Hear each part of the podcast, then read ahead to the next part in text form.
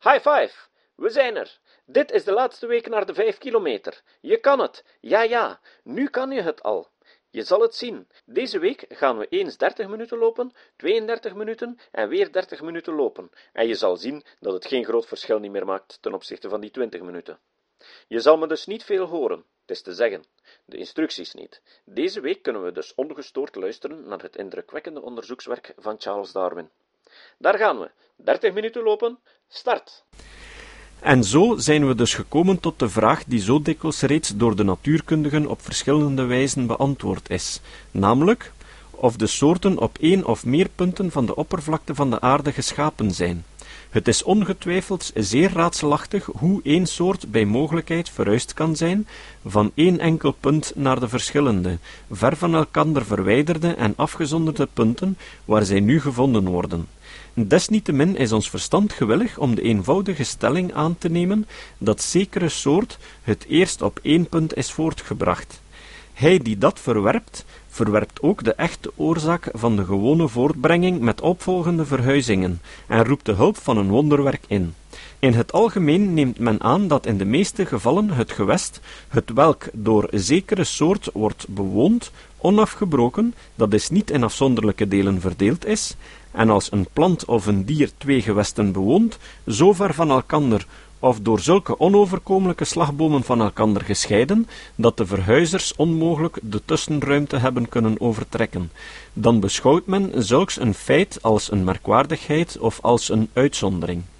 Het vermogen om een zee over te trekken is meer beperkt bij landzoogdieren dan misschien bij enig ander bewerktuig wezen, en ten gevolge daarvan vinden wij ook geen onverklaarbare gevallen van dezelfde landzoogdieren die ver van elkaar gelegene punten der aarde bewonen.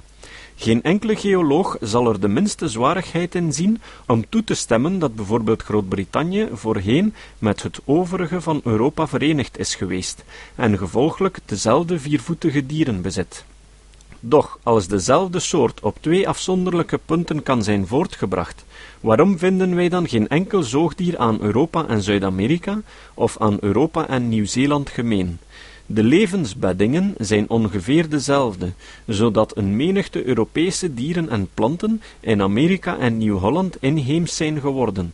Ja, enige oorspronkelijke planten zijn volkomen dezelfde op die ver van elkander gelegen punten van het noordelijke en van het zuidelijke halfrond. Het antwoord is, naar ik geloof, dat de zoogdieren niet in staat geweest zijn om te verhuizen, terwijl enige planten door haar verschillende middelen ter verspreiding de grote tussenruimte hebben kunnen overtrekken. De grote en betreffende invloed van slagbomen van allerlei aard is slechts verklaarbaar uit het oogpunt dat verre de meeste soorten slechts aan één zijde van de slagboom zijn ontstaan, en niet in staat geweest zijn om naar de andere zijde te verhuizen enige familien, vele onderfamiliën en zeer veel geslachten, en een nog groter getal afdelingen van geslachten zijn tot één enkele streek bepaald. En het is door verscheidene natuurkundigen opgemerkt dat de natuurlijke geslachten, of die geslachten waarvan de soorten het nauwst aan elkander zijn verwant, in het algemeen plaatselijke geslachten, dat is, tot één enkele streek beperkt zijn. Hoe zonderling zou het zijn indien we, een stap lager gaande in de rangschikking, namelijk tot de individuen van dezelfde soort, vonden dat daar een juist tegenovergestelde regel heerste, dat is, dat de soorten niet plaatselijk waren, maar in twee of meer verschillende gewesten waren voortgebracht. Daarom geloof ik met vele andere natuurkundigen aan de grote waarschijnlijkheid dat elke soort voortgebracht is op één punt of op één gewest alleen, en dat zij vervolgens zover uit dat gewest is verhuisd, als haar vermogen om te verhuizen en weerstand te bieden aan andere voorwaarden des levens haar toeliet. Het is waar, er zijn veel gevallen waarin we niet kunnen verklaren hoe een soort van de ene plaats naar de andere is kunnen komen, maar de verandering van het klimaat en van de vorm der landen, die voorzeker in de jongste geologische tijdvakken voorgevallen zijn, moeten het voorheen onafgebrokene gebied van vele soorten als het ware in stukken verdeeld hebben zodat we ertoe gebracht worden aan te nemen dat de uitzonderingen op de onafgebrokenheid van het gebied zo talrijk en van zulke ernstige graad zijn, dat we bijna zouden moeten twijfelen of elke soort wel in één enkel gewest is voortgebracht, en vandaar verhuisd is zover haar mogelijk was. Het zou een hopeloze poging zijn alle gevallen van dezelfde soorten, die nu op van elkander verwijderde en afgezonderde plaatsen leven, te verklaren. Ik beweer zelfs niet dat zulke een verklaring mogelijk is. Maar na enige voorafgaande opmerkingen wil ik enige zeer treffende feiten bespreken, namelijk voor eerst het voorkomen van dezelfde soorten op ver van elkander liggende plaatsen in de noordelijke en zuidelijke poolstreken. Ten tweede in het volgende hoofdstuk de ververspreiding van zoetwaterbewoners. En ten derde het voorkomen van dezelfde soorten op eilanden en op het vasteland, of schoon door honderden mijlen open zee van elkander gescheiden. Indien het bestaan van dezelfde soort op verwijderde en afgezonderde punten van de oppervlakte der aarde door vele voorbeelden verklaard kan worden, uit het oogpunt dat elke soort verhuisd is van één enkele geboorteplaats naar vele andere plaatsen, dan is het geloof, in aanmerking nemende onze onwetendheid ten opzichte van vroegere veranderingen van het klimaat en van de vorm der landen, en onze onkunde van de verschillende middelen van vervoer, dat dit de algemene wet is geweest, naar mijn gevoelen het meest aannemelijk. Onder het bespreken van dit onderwerp zullen we tevens een voor ons even belangrijk punt beschouwen, namelijk of de verschillende soorten van een geslacht, die volgens mijn leer allen van een algemene stamvader afstammen, verhuisd kunnen zijn uit het gewest dat door die stamvader werd bewoond, en of zij gedurende die verhuizing gewijzigd zijn geworden. Als het bewezen kan worden dat het bijna onveranderlijk het geval is dat een landstreek waarvan de meeste bewoners nauw verwant aan elkander zijn, of tot hetzelfde geslacht behoren met de soorten van een tweede gewest, waarschijnlijk in een vorig tijdperk verhuizers uit die andere landstreek heeft ontvangen, dan wordt mijn leer daardoor bevestigd, want we kunnen begrijpen, wetend hoe groot de wijzigingen zijn, waarom de bewoners van één streek verwant zullen zijn aan die van een andere, waaruit zij voortgekomen zijn. Een vulkanisch eiland bijvoorbeeld, opgeheven en gevormd op de afstand van enige honderden mijlen van het vasteland, zal waarschijnlijk in de loop der tijden enige kolonisten van het vasteland ontvangen, en hun nakomelingen, ofschoon gewijzigd, zullen nog altijd door de overerving verwant blijven aan de bewoners van het vasteland. Dergelijke gevallen zijn zeer algemeen, en, gelijk we in het vervolg meer uitvoerig bewezen zullen zien, volkomen onverklaarbaar uit het oogpunt dat de soorten onafhankelijk van elkander zijn geschapen. Dit gevoelen over de verwantschap van een soort tot die in een ander gewest is niet zeer verschillend, als wij het woord ras nemen in plaats van het woord soort. Met het welk voor enige tijd door Wallace is betoogd, namelijk dat elke soort ontstaan is in tijd en ruimte overeenstemmend met een vooraf bestaande naverwante soort. En door mijn briefwisseling met die geleerde blijkt het dat hij die overeenstemming toeschrijft aan een afkomst der wijzigingen.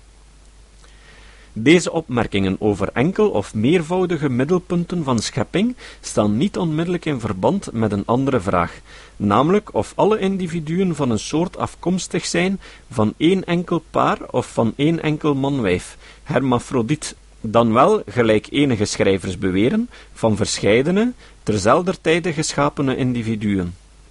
Van bewerktuigde wezens die nooit kruisen, als er zodanigen zijn, moeten de soorten volgens mijn leer door verbeterde wijzigingen ontstaan zijn, afstammelingen die zich nooit met andere individuen of rassen vermengd hebben, maar elkander steeds hebben verdrongen, zodat op elke opvolgende trap van wijziging en verbetering alle individuen van een ras van één enkele stamvader afkomstig zijn maar in de meeste gevallen, namelijk in die van de bewerktuigde wezens, die gewoonlijk voor elke geboorte paren of die dikwijls kruisen, geloof ik dat gedurende de langzame gang der wijzigingen de individuen der soorten door de kruising ongeveer aan elkander gelijk gebleven zijn, zodat vele individuen gelijktijdig veranderd zijn en de som van wijzigingen op elke trap niet toegeschreven moeten worden aan de afkomst alleen van één enkel paar. Tot een voorbeeld om mijn mening duidelijk te maken, diene het volgende. Een Engels volbloed renpaard verschilt weinig van een paard van een ander ras. Doch het heeft zijn voortreffelijkheid en zijn onderscheid van anderen niet te danken aan een afkomst van één enkel paar paarden, maar aan de aanhoudende zorg van de fokker om gedurende vele generatiën de beste individuen ter voorteling uit te kiezen. Eer we overgaan tot de behandeling van de drie klassen van feiten die ik daar straks opgesomd heb, als de grootste bezwaren tegen de leer van de enkelvoudige middelpunten van de schepping te behelzen, moet ik enige woorden over de middelen ter verspreiding spreken. Al tien minuten voorbij. Over de middelen ter verspreiding. Sir Charles Lyell en anderen hebben dit onderwerp met veel talent behandeld. Ik kan hier slechts een uiterst kort overzicht van de belangrijkste feiten geven. Een verandering van het klimaat moet een grote invloed op de verhuizing gehad hebben. Het is mogelijk dat de verhuizing door zeker gewest heen voorheen zeer gemakkelijk geschiedde, omdat het klimaat daar toen anders was dan het nu is, zodat die weg thans is afgesloten. Ook veranderingen van de hoogteligging van het waterpas des bodems moet een grote invloed uitgeoefend hebben. Een smalle landengte scheidt thans twee zeefauna's van elkander. Zet haar onder water, of laat haar voorheen onder water gelegen hebben, en de twee fauna's zullen nu in één versmelten, of voorheen tot één geworden zijn. Waar tegenwoordig de zee golft, kan voorheen een droog land of eilanden of zelfs vaste landen met elkander verbonden hebben, en dus landbewoners in de gelegenheid gesteld hebben om van het ene land naar het andere over te gaan. Geen geoloog zal ontkennen dat er grote veranderingen van het waterpas van de bodem gebeurd zijn, gedurende het tijdperk waarin bewerktuigde schepselen bestaan. Edward Forbes beweert dat alle eilanden van de Atlantische Zee in niet lang verledene tijden nog met Europa of met Afrika en dat Europa met Amerika verenigd moeten zijn geweest. Andere schrijvers hebben verondersteld dat alle zeeën op die wijze eenmaal niet bestaan hebben waar ze nu zijn, en dat elk eiland met een vastland verenigd is geweest. Als de gronden waarop Forbes zijn beweringen bouwt goed zijn, moeten wij aannemen dat er nauwelijks één enkel eiland bestaat, het welk niet voor enige tijd met een vastland verenigd is geweest. Deze mening hakt de Gordiaanse knoop van de verspreiding der soorten door en lost menig bezwaar op. Maar ik geloof niet dat wij recht hebben om zulke grote geografische veranderingen in het tijdperk waarin de soorten bestaan aan te nemen. Ik geloof wel dat we vele redenen hebben om aan grote veranderingen in de hoogteligging van onze landen te geloven, maar niet aan zulke grote veranderingen in hun uitgestrektheid en breedteligging, dat ze in jonge tijdperken onderling en met de verschillende tussenliggende eilanden verenigd zijn geweest. Ik geloof wel aan het bestaan in vorige dagen van vele eilanden die nu onder de wateren des oceaans begraven liggen en die gediend mogen hebben als rustplaatsen voor planten en dieren op hun verhuizingen. In de zeeën die koralen voortbrengen vindt men, naar mijn eigen mening, tegenwoordig zulke gezonkene eilanden als ringvormige riffen en atollen als het eens algemeen aangenomen is, en ik geloof vastelijk dat het eens zo zal worden, dat elke soort voortgekomen is van één enkele geboorteplaats, en als wij na verloop van tijd een bepaalde wetenschap hebben van de middelen ter verspreiding, dan zullen wij in staat zijn om met zekerheid een oordeel te vormen over de vroegere uitgestrektheid van het land maar ik geloof geenszins dat het ooit bewezen zal kunnen worden dat binnen een niet lang verleden tijdperk de vaste landen, die nu volkomen afgescheiden van elkander zijn, tot één verenigd zijn geweest, of dat zij met elkander en de tussengelegene eilanden één enkel vastland hebben uitgemaakt. Verschillende feiten tot de verspreiding der soorten betrekkelijk, zoals het grote verschil in de zeefauna's van de beide tegenovergestelde kusten van bijna alle vaste landen, de grote verwantschap van de tertiaire wezens der verschillende landen en zelfs der zeeën tot de tegenwoordige bewoners daarvan, zekere mate van verband tussen de verspreiding der zoogdieren en de diepte der zeeën, deze en dergelijke feiten schijnen mij toe te strijden tegen de aanneming dat zulke wonderbaar grote geografische veranderingen in niet lang verledene geologische tijdperken als door de bewering van Forbes en zijn vele volgelingen gevorderd worden. Ook de natuur en de verhoudingen van de bewoners der eilanden van de oceaan schijnen mij toe te strijden tegen het geloof dat de laatsten vroeger met de vaste landen verenigd zijn geweest, ook hun bijna altijd vulkanische natuur strijdt tegen het geloof dat ze de wrakken van gezonken vastelanden zijn. Indien ze oorspronkelijk gebergten op het land geweest waren, moesten tenminste enige dier eilanden bestaan, gelijk andere bergtoppen uit graniet, uit gemetamorfoseerde of uit oude fossielen voerende lagen en dergelijke in plaats van slechts uit stapels lava en andere vulkanische voortbrengselen. Ik moet hier één enkel woord zeggen over hetgeen men toevallige middelen ter verspreiding noemt, maar die eigenlijk middelen welke bij gelegenheid dienstig zijn, moesten genoemd worden. We bepalen ons hier tot de planten. In kruidkundige werken vindt men deze of gene plant vermeld als geschikt om ver verspreid te kunnen worden, maar de mindere of meerdere gemakkelijkheid of vatbaarheid der planten om door de stromen der zee vervoerd te worden, is bijna geheel onbekend. Tot de tijd waarop ik met behulp van de heer Berkeley enige proeven nam, in hoeverre het zaad van planten weerstand kon bieden aan de nadelige invloed van het zeewater, was dit een volkomen onbekend onderwerp.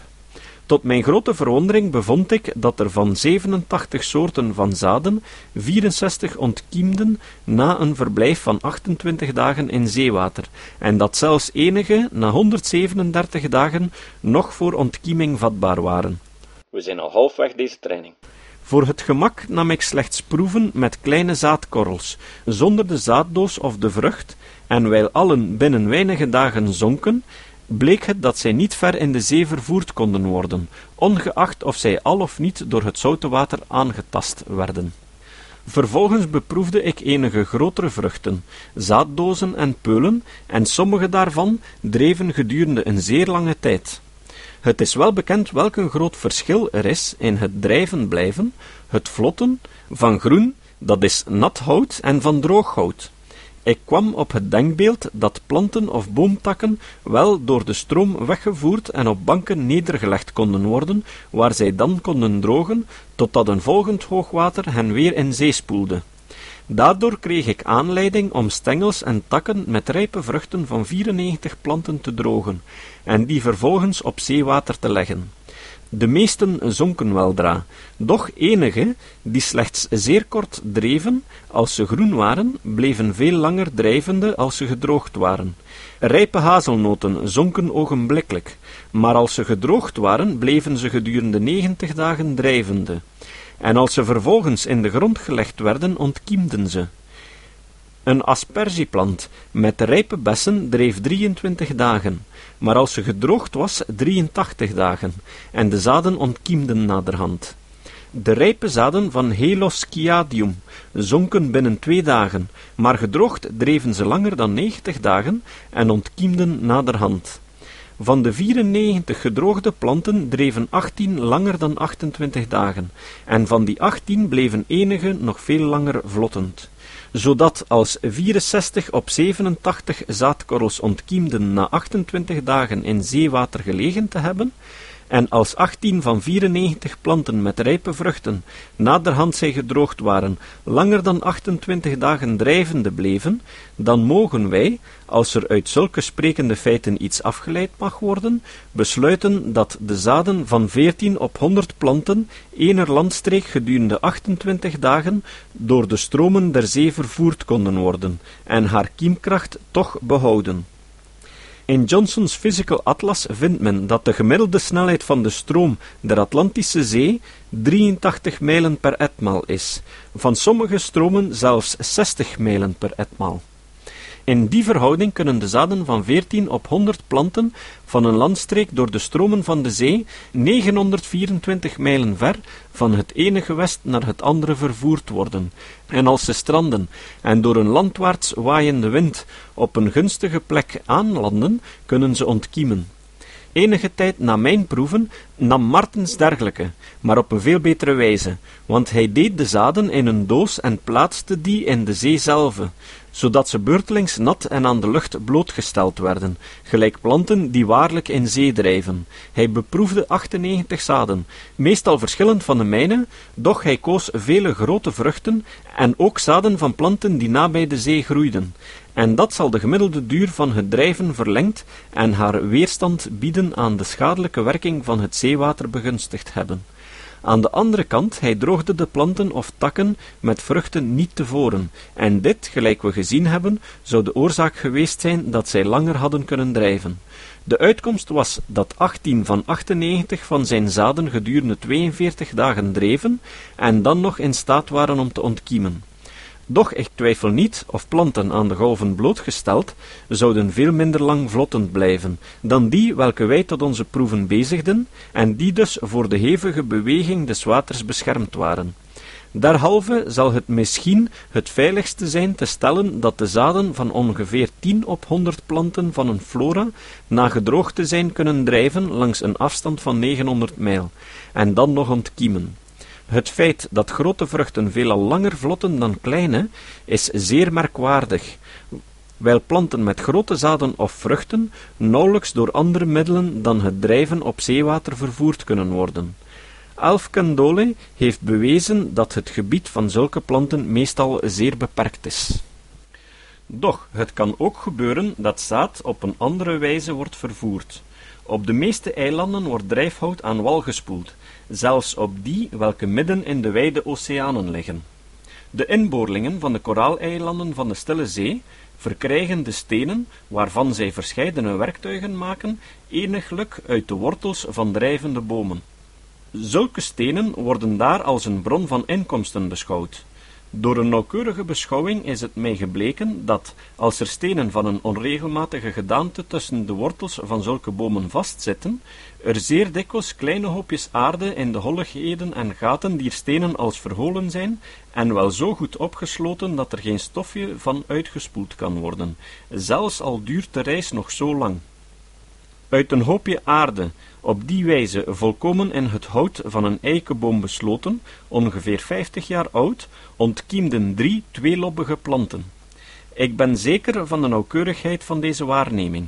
Ook kan ik bewijzen dat de lijken van vogels, als ze in zee drijven, somtijds gedurende enige tijd niet door vissen of andere zeedieren verslonden worden. Vele soorten van zaden behouden een kiemkracht, niet tegenstaande zij lange tijd in de krop van dode vogels vertoeven. Erten en wikken worden gedood door slechts enige dagen in zeewater te liggen, maar enige die uit de krop van een duif genomen werden, welke dertig dagen lang in kunstmatig zeewater gelegen had, ontkiemden tot mijn verwondering bijna allen. Het kan bijna niet missen of levende vogels moeten zeer krachtige middelen ter verspreiding van zaden zijn. Ik kan een menigte gevallen opsommen van vogels die door de wind ver over zee voortgestuwd worden. We mogen veilig geloven dat de snelheid van hun vlucht in zulke omstandigheden dikwijls 35 mijlen per uur kan bedragen. Er zijn schrijvers die zelfs een veel grotere snelheid aannemen. Ik heb nooit gezien dat een voedzame zaadkorrel ongedeerd door de ingewanden van een vogel heen gingen, maar harde zaden of vruchten gaan ongedeerd, zelfs door de spijsverteringswerktuigen van een kalkoen. In de loop van twee maanden verzamelde ik in mijn tuin twaalf soorten van zaden uit de uitwerpselen van kleine vogels. Ze schenen allen ongedeerd te zijn en enige daarvan ontkiemden toen ik zulks beproefde. Maar het volgende feit is van veel groter gewicht. De krop des vogels scheidt geen spoor van maagsap af, en bederft in het minst niet, wat ik volgens herhaalde proefnemingen durf te verzekeren, het ontkiemen der zaadkorrels. Als een vogel een menigte zaadkorrels heeft ingeslikt, is het een welbewezen feit dat die zaden niet voor twaalf en zelfs achttien uren in de maag aankomen. Gedurende die tijd kan een vogel gemakkelijk 500 mijlen ver vliegen, geholpen door de wind.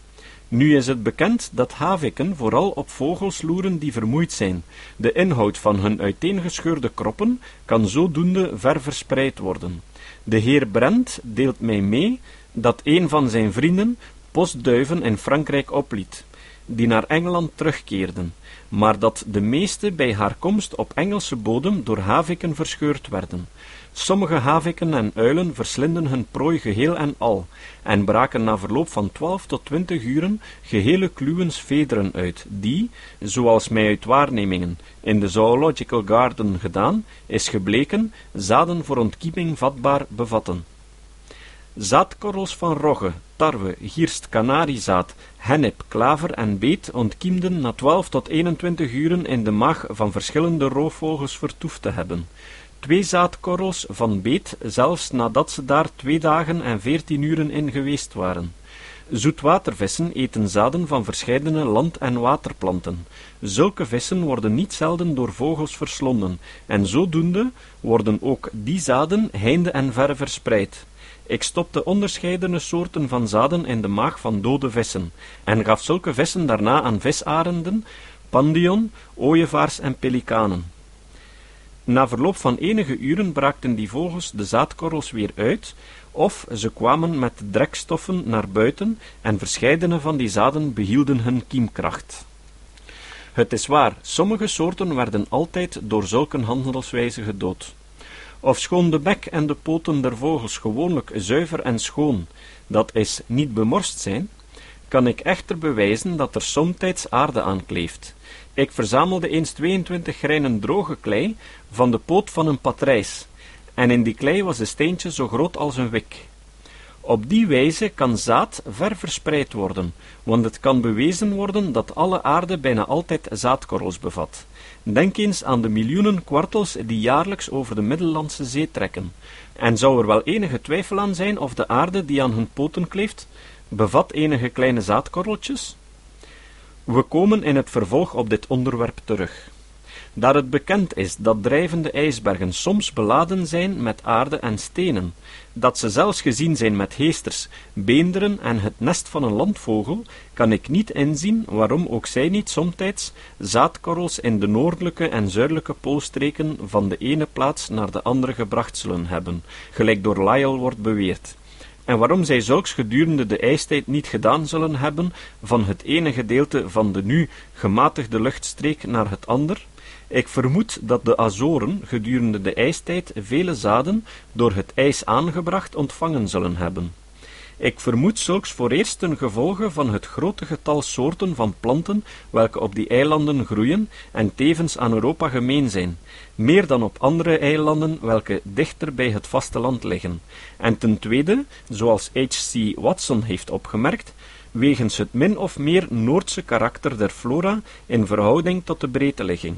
Op mijn verzoek schreef Sir Charles Lyell aan Hartung om te vragen of hij zwerfblokken op die eilanden gevonden had. Hij antwoordde dat hij grote brokken van graniet en andere gesteenten, die niet in de archipel thuis horen, had gevonden. Daaruit mogen we afleiden dat voorheen drijvende ijsbergen hun steenlading op de kusten van deze eilanden hebben ontscheept. En het is ten minste mogelijk dat ze tevens de zaden van Noordse planten zullen hebben aangebracht. Indien dus de verschillende bovengemelde middelen van vervoer en tevens vele andere nog onbekende middelen gedurende eeuwen en duizenden jaren, jaar in jaar uit in werking zijn geweest, waaraan niet te twijfelen valt, dan zou het wel zonderling zijn als er niet vele planten op zulke wijze ver vervoerd zijn geworden. Zulke middelen van vervoer worden somtijds toevalligen geheten, maar ten onrechte. De stromen der zee zijn geenszins toevallig, evenmin als de passaatwinden zulks zijn. We moeten evenwel tevens opmerken dat er nauwelijks één van die middelen van vervoer is, waardoor zaad zeer ver vervoerd kan worden, want het zaad blijft niet levend als het lange tijd aan de werking van het zeewater is blootgesteld, en ook niet als het lang in de krop of in de darmen van vogels blijft. Desalniettemin zijn die middelen voldoende om zaad over te brengen van eiland tot eiland, of van een vastland tot een eiland, over zeearmen van enige honderden mijlen breedte, maar niet van de oude wereld naar de nieuwe of omgekeerd. De flora's van die ver van elkander gelegen vaste landen zullen door zulke middelen niet vermengd geraken, maar even verschillend blijven als we nu zien dat ze zijn. De stromen van de oceanen zullen nooit levende zaden van Noord-Amerika naar Europa voeren, ofschoon zij soms op de westelijke kusten van Groot-Brittannië en Noorwegen zaden uit West-Indië brengen, die, al waren zij niet reeds gedood door zo lang in zout water gelegen te hebben, toch ons Europese klimaat niet zouden verduren. En bijna elk jaar worden er één of twee landvogels van Noord-Amerika door de wind over de gehele Atlantische Zee gedreven en op de westelijke kusten van Engeland of Ierland geworpen. Doch door die landverhuizers kan er slechts op één wijze zaad meegebracht worden, namelijk als er slijk aan hun poten kleeft. En dit is op zichzelf genomen reeds een zeer zeldzaam geval. En zelfs al was dit het geval, hoe klein zou de kans zijn dat een zaadkorreltje juist in een gunstige aarde viel en tot ontkiemen kwam. Doch het zou een grote dwaling zijn te beweren dat, wijl een welbewoond eiland gelijk Engeland in de laatste eeuwen geen landverhuizers van Europa of van een ander vastland door zulke bij gelegenheid werkende middelen heeft ontvangen, een weinig bewoond eiland, ofschoon verder dan het vasteland gelegen door dergelijke middelen, daarom ook geen landverhuizers ontvangt. 10, 9, 8, 7, 6, 5, 4, 3, 2, 1 en stop! Zie je wel dat je het kunt? We wandelen nog wat uit. Morgen rusten, overmorgen 32 minuten lopen. Ik twijfel niet of van twintig zaadkorrels of dieren die naar een ander eiland overgebracht worden, zelfs al is het veel minder dicht bewoond dan Engeland, zal nauwelijks één zowel geschikt zijn voor de nieuwe woonplaats dat het daar inheems wordt. Maar dit is, dunkt me, geen deugdelijk bezwaar tegen hetgeen door zulke middelen van vervoer, als wij boven opgesomd hebben, kan geschieden gedurende de lange geologische tijd waarin een eiland opgeheven en gevormd werd, en voordat het door planten en dieren werd bewoond. Op een onbewoond eiland, waar weinig of geen vernielende insecten of vogels leven, zal bijna elke zaadkorrel die er bij toeval aan land komt, zekerlijk ontkiemen en in leven blijven, indien de plant slechts voor het klimaat is geschikt.